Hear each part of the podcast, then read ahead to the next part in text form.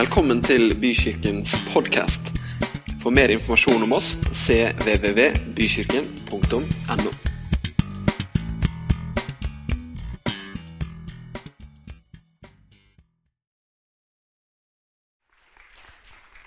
Hyggelig å være her. Etter å ha vært pastor tolv år her i Tønsberg by, så måtte jeg slutte som pastor i Misjonskirka for å kunne preke andre steder i byen her. Så det er første gang jeg preker her, og så har jeg også vært i Tønsberg pinsekirke Betania. Elio faktisk, og The River. Så det er ikke måte på. Men etter 20 år som pastor så eh, søkte jeg nye utfordringer. Og da søkte jeg på jobben som områdeleder i Åpne dører eh, i forhold til Østlandet. Og den eh, fikk jeg, og starta der for ett år siden. Så det er jo fantastisk å ha kommet ut av eh,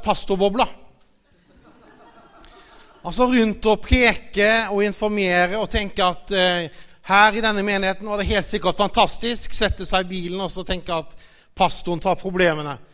Eh, jeg syns det er veldig ålreit.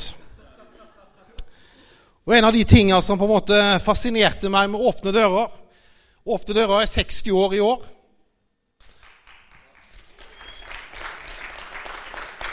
Eh, nitt- 1955 så starta broder Andreas med å smugle bibler inn i Øst-Europa. Og Vi jobber fortsatt i forhold til kristen litteratur, men vi jobber også humanitært, bl.a. nå i Nord-Irak og Syria. Åpne dører er til til stede i 63 land. Eh, Vi jobber også i forhold til å støtte da, særlig enker med økonomisk støtte, slik at de kan starte enkeltmannsforetak. Og Visjonen til Åpne dører er jo å hjelpe de som forfølges. Og så står det videre og også hjelpe dem til å gå ut på misjonsbefalingen. Det er ikke bare litt radikalt, det er voldsomt radikalt, tenker jeg. Og Hvis du vil ha noe radikalt til eh, kaffen din i ettermiddag, så kan du gå hjem på YouTube, søke Broder Andreas. Så får du ti minutter radikal info, inspirasjon, som han holdt eh, da han var her i Norge i forbindelse med at kontoret i Norge var 30 år. Og det var da i 2013 han var her. Og siden vi er 60 år, så tenkte jeg skulle gi ut en bok her. Eh, 'Livsfarlig tro'. Fantastiske, eh, fascinerende historier. Mennesker som ble forfulgt. Og så tenkte jeg hvem i all verden skal jeg gi denne boka til? Og etter å nå ha sett på den grønne gitaren din, så tenker jeg at du skal få den boka. Vær så god.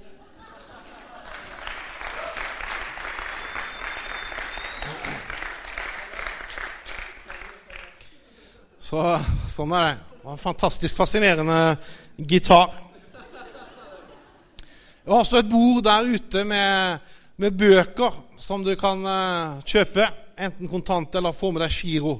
Jeg skal visst få noen fantastisk fancy greier etter hvert som jeg kan koble til mobilen, så man kan dra kortet. Og Du kan også skrive deg på en liste der og få bladet vårt, som kommer en gang i måneden. Veldig bra og nyttig informasjon. Det er gratis. Og mange sier nei, jeg har jo så veldig mye å lese. ikke sant? Man skal jo følge med på VG Live, fotball osv. Og, og da pleier jeg å si vet du hva, ikke les bladet. For det viktigste i bladet er jo denne bønnekalenderen. Eh, Da blir det oppdatert med litt input, og samtidig så du kan få lov til å be for de som forfølges. Ute på bordet der ligger det også et kort. Asias Bibi. Du kan sende det. 1450. Vi kjører en aksjon. Og ei dame som har sittet i fengsel i Pakistan siden 2009. Siden de tok et oppgjør med noen kvinner som eh, mobba henne for hennes kristne tro. Så det koster 1450 å sende fra Norge. Og jeg som sagt, jeg levde jo i denne pastorbobla. Og når jeg kom ut av den, så jeg visste jo at det var, ja, det var noen som ble forfulgt. Eh, og, og man så gjerne noen kirker som ble brent. Men det er altså sånn at 100 millioner kristne forfølges fordi de tror på Jesus. Og så er det nærmere 80-90 millioner andre som forfølges fordi de tror på noe. Så jeg tenker vi lever i en sånn rimelig brutal verden og brutal virkelighet. Og vi lever jo på en måte på en sånn eh, grønn gren her i Norden. Og Lars Egeland i Flyktninghjelpen her i Norge han mener jo at Boko Haram i Nord-Nigeria er verre enn IS, altså islamsk stat. Det sier jo litt. Og så må vi jo forholde oss til verifiserte tall. slik at I 2014 så regner man med at i alle fall 5000 kristne ble drept fordi de tror på Jesus. Men det tallet er garantert mye høyere. Eh, og halvparten av de eh, var da fra Nord-Nigeria. Vi skal se en sang her som jeg har sunget veldig mange ganger. Men bakgrunnen for sangen den oppdaga jeg da for en måned siden. I have decided. Så hvis teknikken står oss bi, så skal vi se den der. Og Det var en som sa til meg når jeg starta Åpne dører Ole Lilleheim han har jobba i Åpne dører her i Norge siden 83, men før det også noen år i Nederland. Han sa det at Olaf, du vet det, at 25 av eh, Det nye testamentet handler egentlig om lidelse. Jeg har ikke fått sjekka det opp ennå, men eh, er det som meg, så hvis man kommer til noen sånne vers, så på en måte hopper man fort over og tenker at takk, Jesus, at det ikke, ikke gjelder meg, og takk for at jeg får lov til å bo på en sånn grønn gren. Før jeg preker, noen inputs. da. Syria var noen prester som for et år siden ble intervjua. Og så sa de at 40 av menigheten hadde flykta pga. den eh, fire år lange borgerkrigen. Og Så ble de spurt ja, er kirkene halvtomme. da? Nei, de var fortsatt fulle, fordi det var en god del muslimer som også søkte kirken og, og lurte på dette med Guds kjærlighet. Eller et land som Iran, eh, som i 2014 var det landet med mest prosentvis kirkevekst. Det er jo fascinerende. Kanskje det nest mest lukka landet etter Nord-Korea. Så allikevel så går evangeliet frem, og mennesker blir frelst. Og Vi har jo en sånn liste over de landene der det er mest forfølgelse. 14 år på rad så topper jo Nord-Korea den lista. Der er det jo sånn at Hvis du er smilende og glad, hjelpsom, så sier myndighetene at da må de angis, for da er de antageligvis kristne. Og Da henter de inn gjerne tre generasjoner, og også naboene som ikke har angitt dem før. Så det er på en måte en sånn brutal virkelighet. Og Et land som Egypt, med 80 millioner innbyggere, har såkalt 15 lovlige kristne bokhandlere. Altså et land med 80 millioner Eh, innbyggere. Og alt blir på en måte notert ned, alt som handles, hvem som har handla det, osv. Mens et land som ikke er på lista mer, det er jo Cuba. Der er det knapt noe forfølgelse igjen. Det er noen få, ytterst få restriksjoner. Så uh, Vår Herre og Obama kanskje har åpna Cuba. I alle fall har det skjedd, skjedd noen under der. Så jeg syns det er fascinerende å jobbe i, i åpne dører. Det har i hvert fall åpna glyggene mine litt i forhold til eh, både hvor godt jeg har det, men også på en måte en sånn brutal virkelighet. At det er 100 millioner som forfølges fordi de er kristne. Skal lese en tekst fra Salmenes bok og vers 40. Nei, Salme 40. Nå begynner jeg å snakke feil også, men uh, han, pastoren gjorde det tre ganger, så da har jeg to igjen. Salme 40, 2-6. Jeg ventet og håpet på Herren. Han bøyde seg til meg og hørte mitt rop. Han dro meg opp av fordervelsens grav, opp av den dype gjørmen. Han satte mine føtter på fjell og lot meg gå med faste skritt. Han la i min munn en ny sang, en lovsang for vår Gud. Mange skal se det og frykte og sette sin lit til Herren. Salig er den mann som stoler på Herren og ikke holder seg til de stolte, til dem som faller fra i løgn. Herre min Gud, mange under har du gjort, og mange tanker har du til vårt beste. Ingen kan måle seg med deg, vil jeg tale og fortelle om dem, er de så mange at de ikke kan telles. Himmelske Far, takk for at vi får lov til å samles her uten at noen på en måte forfølger oss, uten at noen plager oss. Takk for at du er midt iblant oss. Takk, Herre, for at du bor i oss. Takk for at du ønsker å tale til hele oss, til hjertet vårt, til hodet vårt. Og takk for at du er her, og takk for at vi kan legge alt i dine hender. Amen. Veldig flott å ha dere betvinsa her, for det betyr at jeg må preke ekstra godt. For at dere skal på en måte gidde å følge med. Så det, det setter jeg veldig pris på. at dere er her. Da, da må jeg virkelig, virkelig skjerpe meg. Ja, vi får se. Du får uh, følge med. Jeg ventet og håpet på Herren. Det var på en måte ikke hvem som helst salmisten gikk og venta på, gikk og håpa på. Han gikk og håpa på himmelens og jordens skaper. Han gikk og håpa på menneskets skaper, han som hadde skapt han, gitt han ører, øyne og munn. Han gikk og venta på den allmektige og allvitende Guden. Han ikke håpa på at guden hans, som han hadde satsa livet på, ville gripe inn i den situasjonen han var i. Og Noe som på en måte har fascinert meg i møte med den forfulgte kirke, det jeg har lest, historiene jeg har hørt. Og Etter hvert så skal jeg få lov til å reise på noen turer også.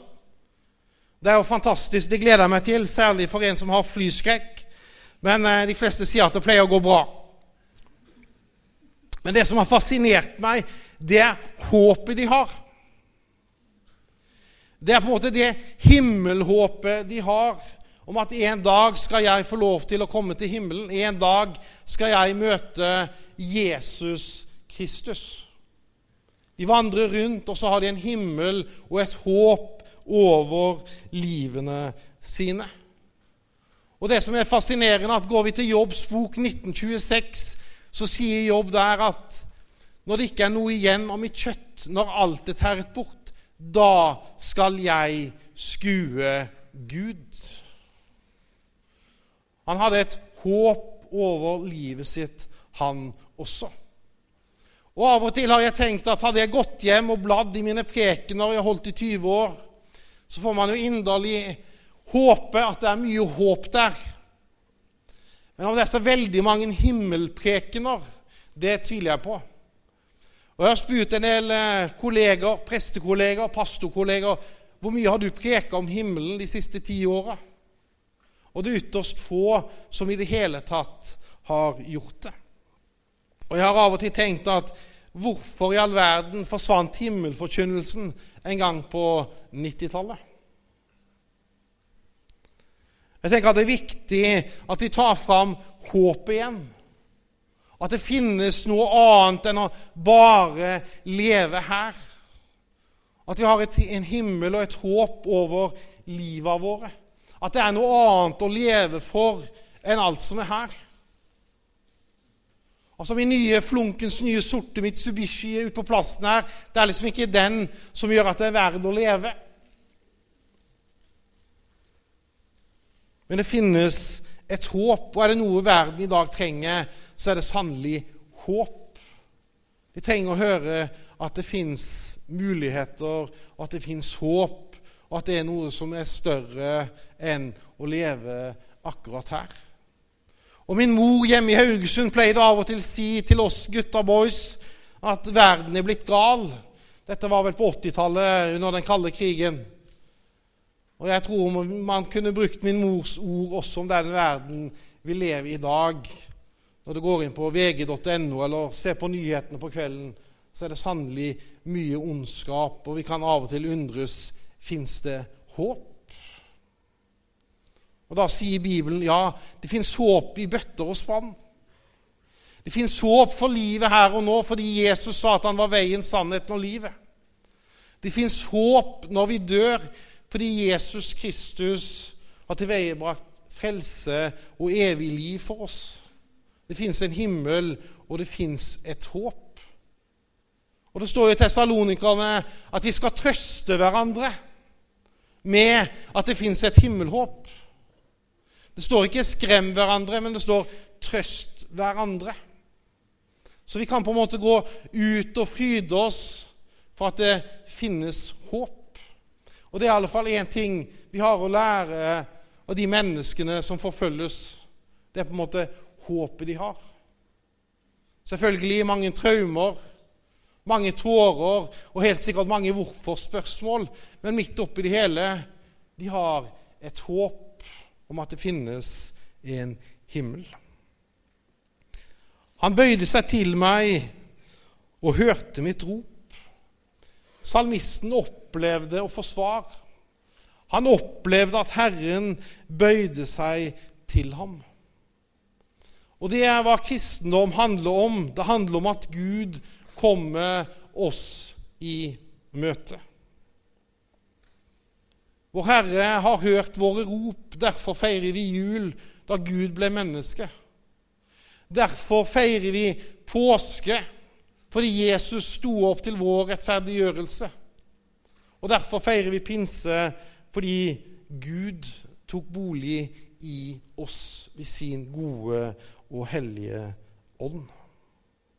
Og jeg var jo så heldig også at når jeg var pastor, så jobba jeg 60% som pastor. Og så fikk jeg også lov til å jobbe med telefonsalg. Det er fantastisk. Ja. Er det noen fra Østfold her? Ja. Beste stedet å komme til når man drev med telefonsvar, det var Østfold. Lyste det Østfold på skjermen, så visste man at wow, dette blir en kjempedag. Og Hvis man gjerne ringte sånn i titida etter altså Disse hjemmeværende damene på 60-70 år hadde sett Blomsterfinn og Frokost-TV, og da ringe til østfolding Fantastisk. Det ble en vellykka dag. Og der hadde jeg også en sjef, salgssjef, ikke kristen, og han sa til meg at eh, Olaf, det der med Gud, det kan jeg på en måte skjønne og forstå. At det finnes en Gud, en som har skapt. Men hvem i all verden er han der Jesus? Men hvem i all verden er han der Jesus? Og Jeg tenker, jeg tror det er mange som har det som han. At det er grunn til å tenke jo, det må finnes noe. La oss gjerne kalle det Gud. Men hvor i all verden er det han der Jesus kommer inn? Gud kom oss i møte ved å sende Jesus. Det er han det er frelse, og det er han det er håp. Derfor driver vi også menighetsarbeid. Fordi vi ønsker at mennesker skal møte Jesus Kristus. For et års tid siden møtte jeg en kvinne på kontoret nede i Kristiansand, hovedkontoret vårt. Fra Nord-Korea, flykta på 90-tallet. Fordi de tok faren hennes og kasta han i fengsel.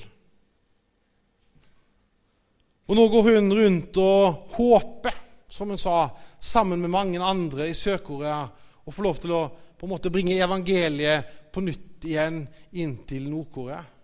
Bringe Jesus tilbake til Nord-Korea, et land der det sitter i alle fall 70 000 i fangeleire fordi de tror på Jesus Kristus. Gud ønsker å gi oss håp. Han ønsker at vi skal formidle det til de menneskene vi møter på vår vandring. Det fins håp i bøtter og spann. Og I vers 3 her leser vi jo at han opplever situasjonen rimelig kaotisk. Han opplever at han sitter fast i gjørma. Han opplever fortvilelse, håpløshet, mørke. Men Gud møter han, griper inn, og han opplever at føttene hans blir satt på fjell. Det første jeg gjorde når jeg starta å åpne døra, det var å lese to bøker. Den ene, 'Broder Andreas gjennom jernteppet'. Den hadde jeg også lest før. En fantastisk, fascinerende historie, trosstykkene. Deretter leste jeg en bok som heter 'Guds galskap'. Som handler om en mann og kona hans som opplevde at de var kalt til Somalia. Et land uten styresett siden 293. Flere hundre geriljagrupper som slåss. Et land knapt med noen som helst infrastruktur. De drar dit i 93. og Da antyder de at det var 150 kristne i landet. De drar igjen i 97 og mener at da var det fire kristne igjen. Og da sa han til Gud, 'Herre, du må la meg få lov til å reise et sted der mennesker blir forfulgt, men allikevel opplever vekst, og at de får bevart troen.' Så drar han til Ukraina og gamle Sovjet.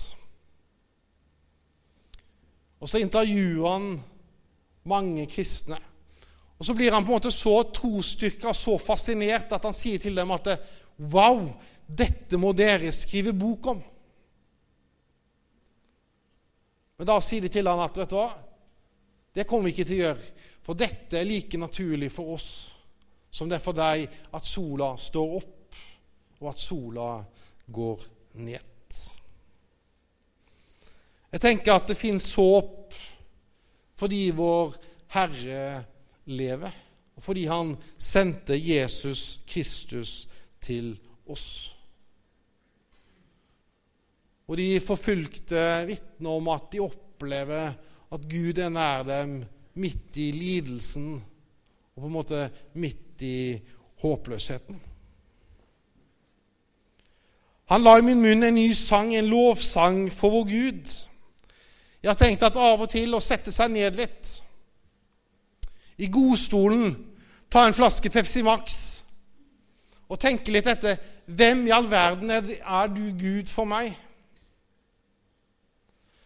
Hva i all verden har jeg å takke for? For av og til så blir vi jo veldig navlebeskuende. Det er på en måte stakkars deg, Olaf, som eh, skulle på ferie i sommer til Danmark. Kronekursen var jo 120. Åssen skal det gå? Eller stakkars deg, Olaf, du fikk bare 700 kroner igjen på skatten. Hvordan i all verden skal dette gå? Eller irritere seg over disse hulla i asfalten som kommunen ennå ikke har tatt.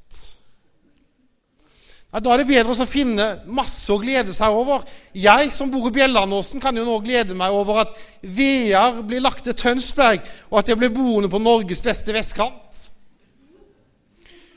Jeg kan også slå opp Bibelen og se at Gud er min far. Jesus er min frelser at Bibelen er full av håp.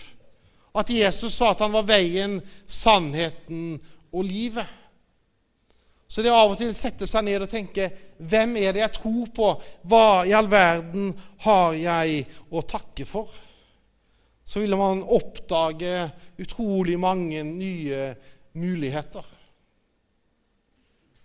Tenk at det er viktig å fokusere på mulighetene. At vi kan på nytt få lov til å dele det vitnesbyrdet vi har i møte med de menneskene vi treffer på vår vandring. Salig er den mann som stoler på Herren.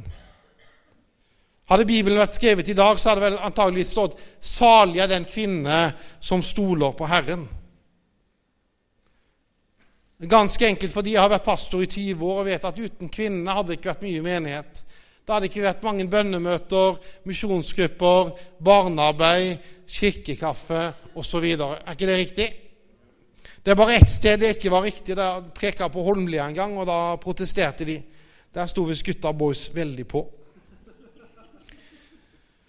Og her står det egentlig 'overmåte lykkelig er den som kan stole på Gud'. Det betyr ikke at alt er en dans på roser at alt bare er hallelujastemning. Men vi har et sted å gå med det vi bærer på midt i vår hverdag. Det er fascinerende, og det er godt. Fordi at vi har et håp, og vi har noe å gå til med de menneskene vi møter på vår vandring.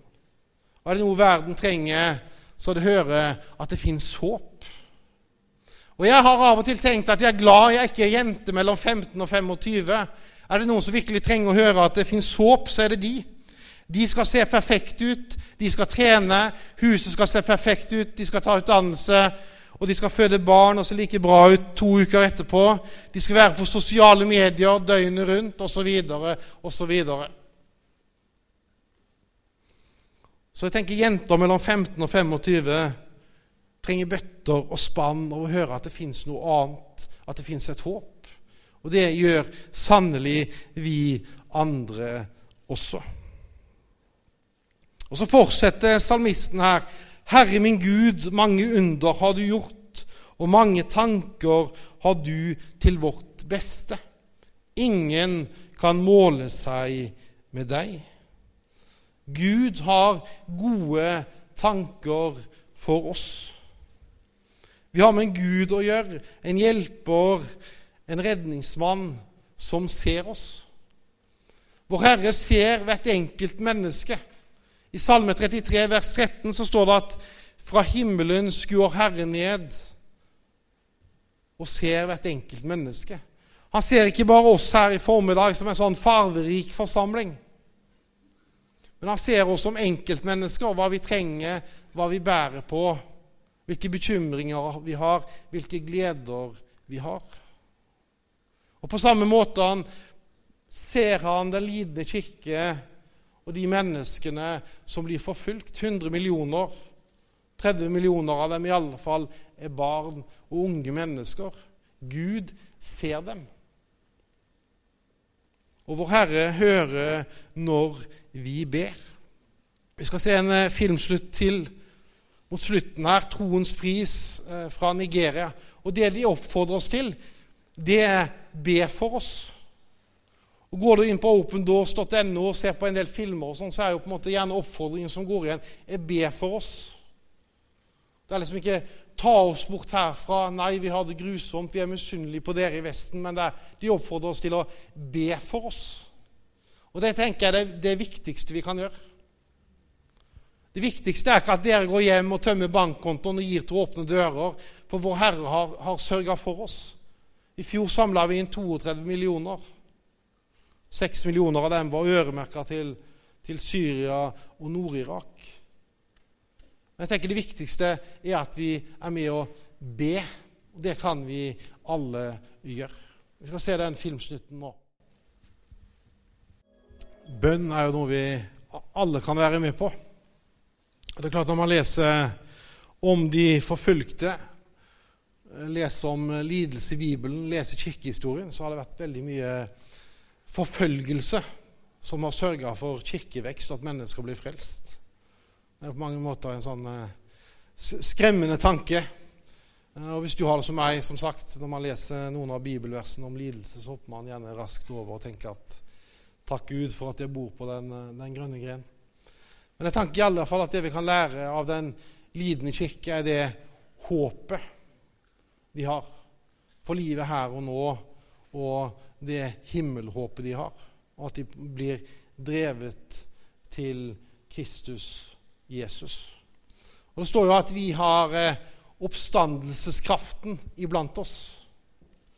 For Av og til kan man jo bli livredd og tenke Wow, tenk om muslimene tar Norge eller Vesten. Oi, hva skal skje? Men eh, hvis vi leser i Bibelen og ser på en måte hva vi har i eie, så er det jo å tenke bare å ta fram frimodigheten igjen. og så på en måte bringe det vi har fått, til de menneskene vi møter på vår vandring. Så ta gjerne bladet der ute, skriv deg på, og, og så får du den bønnekalenderen. Det er på en måte mye viktigere for meg enn om du gir penger til å åpne dører. Altså det å være med å be og virkelig løfte opp, eh, opp den lidende kirke tenker jeg er kjempeviktig og mitt anliggende. Vi skal be. Himmelske Far, vi takker og priser deg for din godhet. Og ja, vi må erkjenne at vi bor på den grønne gren, både som kristne og som mennesker.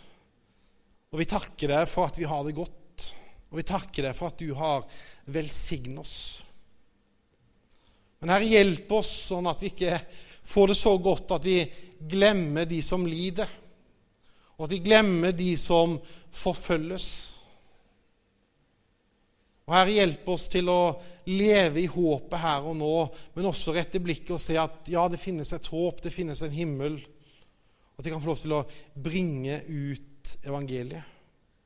Og Herre, vi ber deg i dag for den lidende kirke, de menneskene som forfølges. De som akkurat nå kjenner seg glad, de som er triste, de som er redde.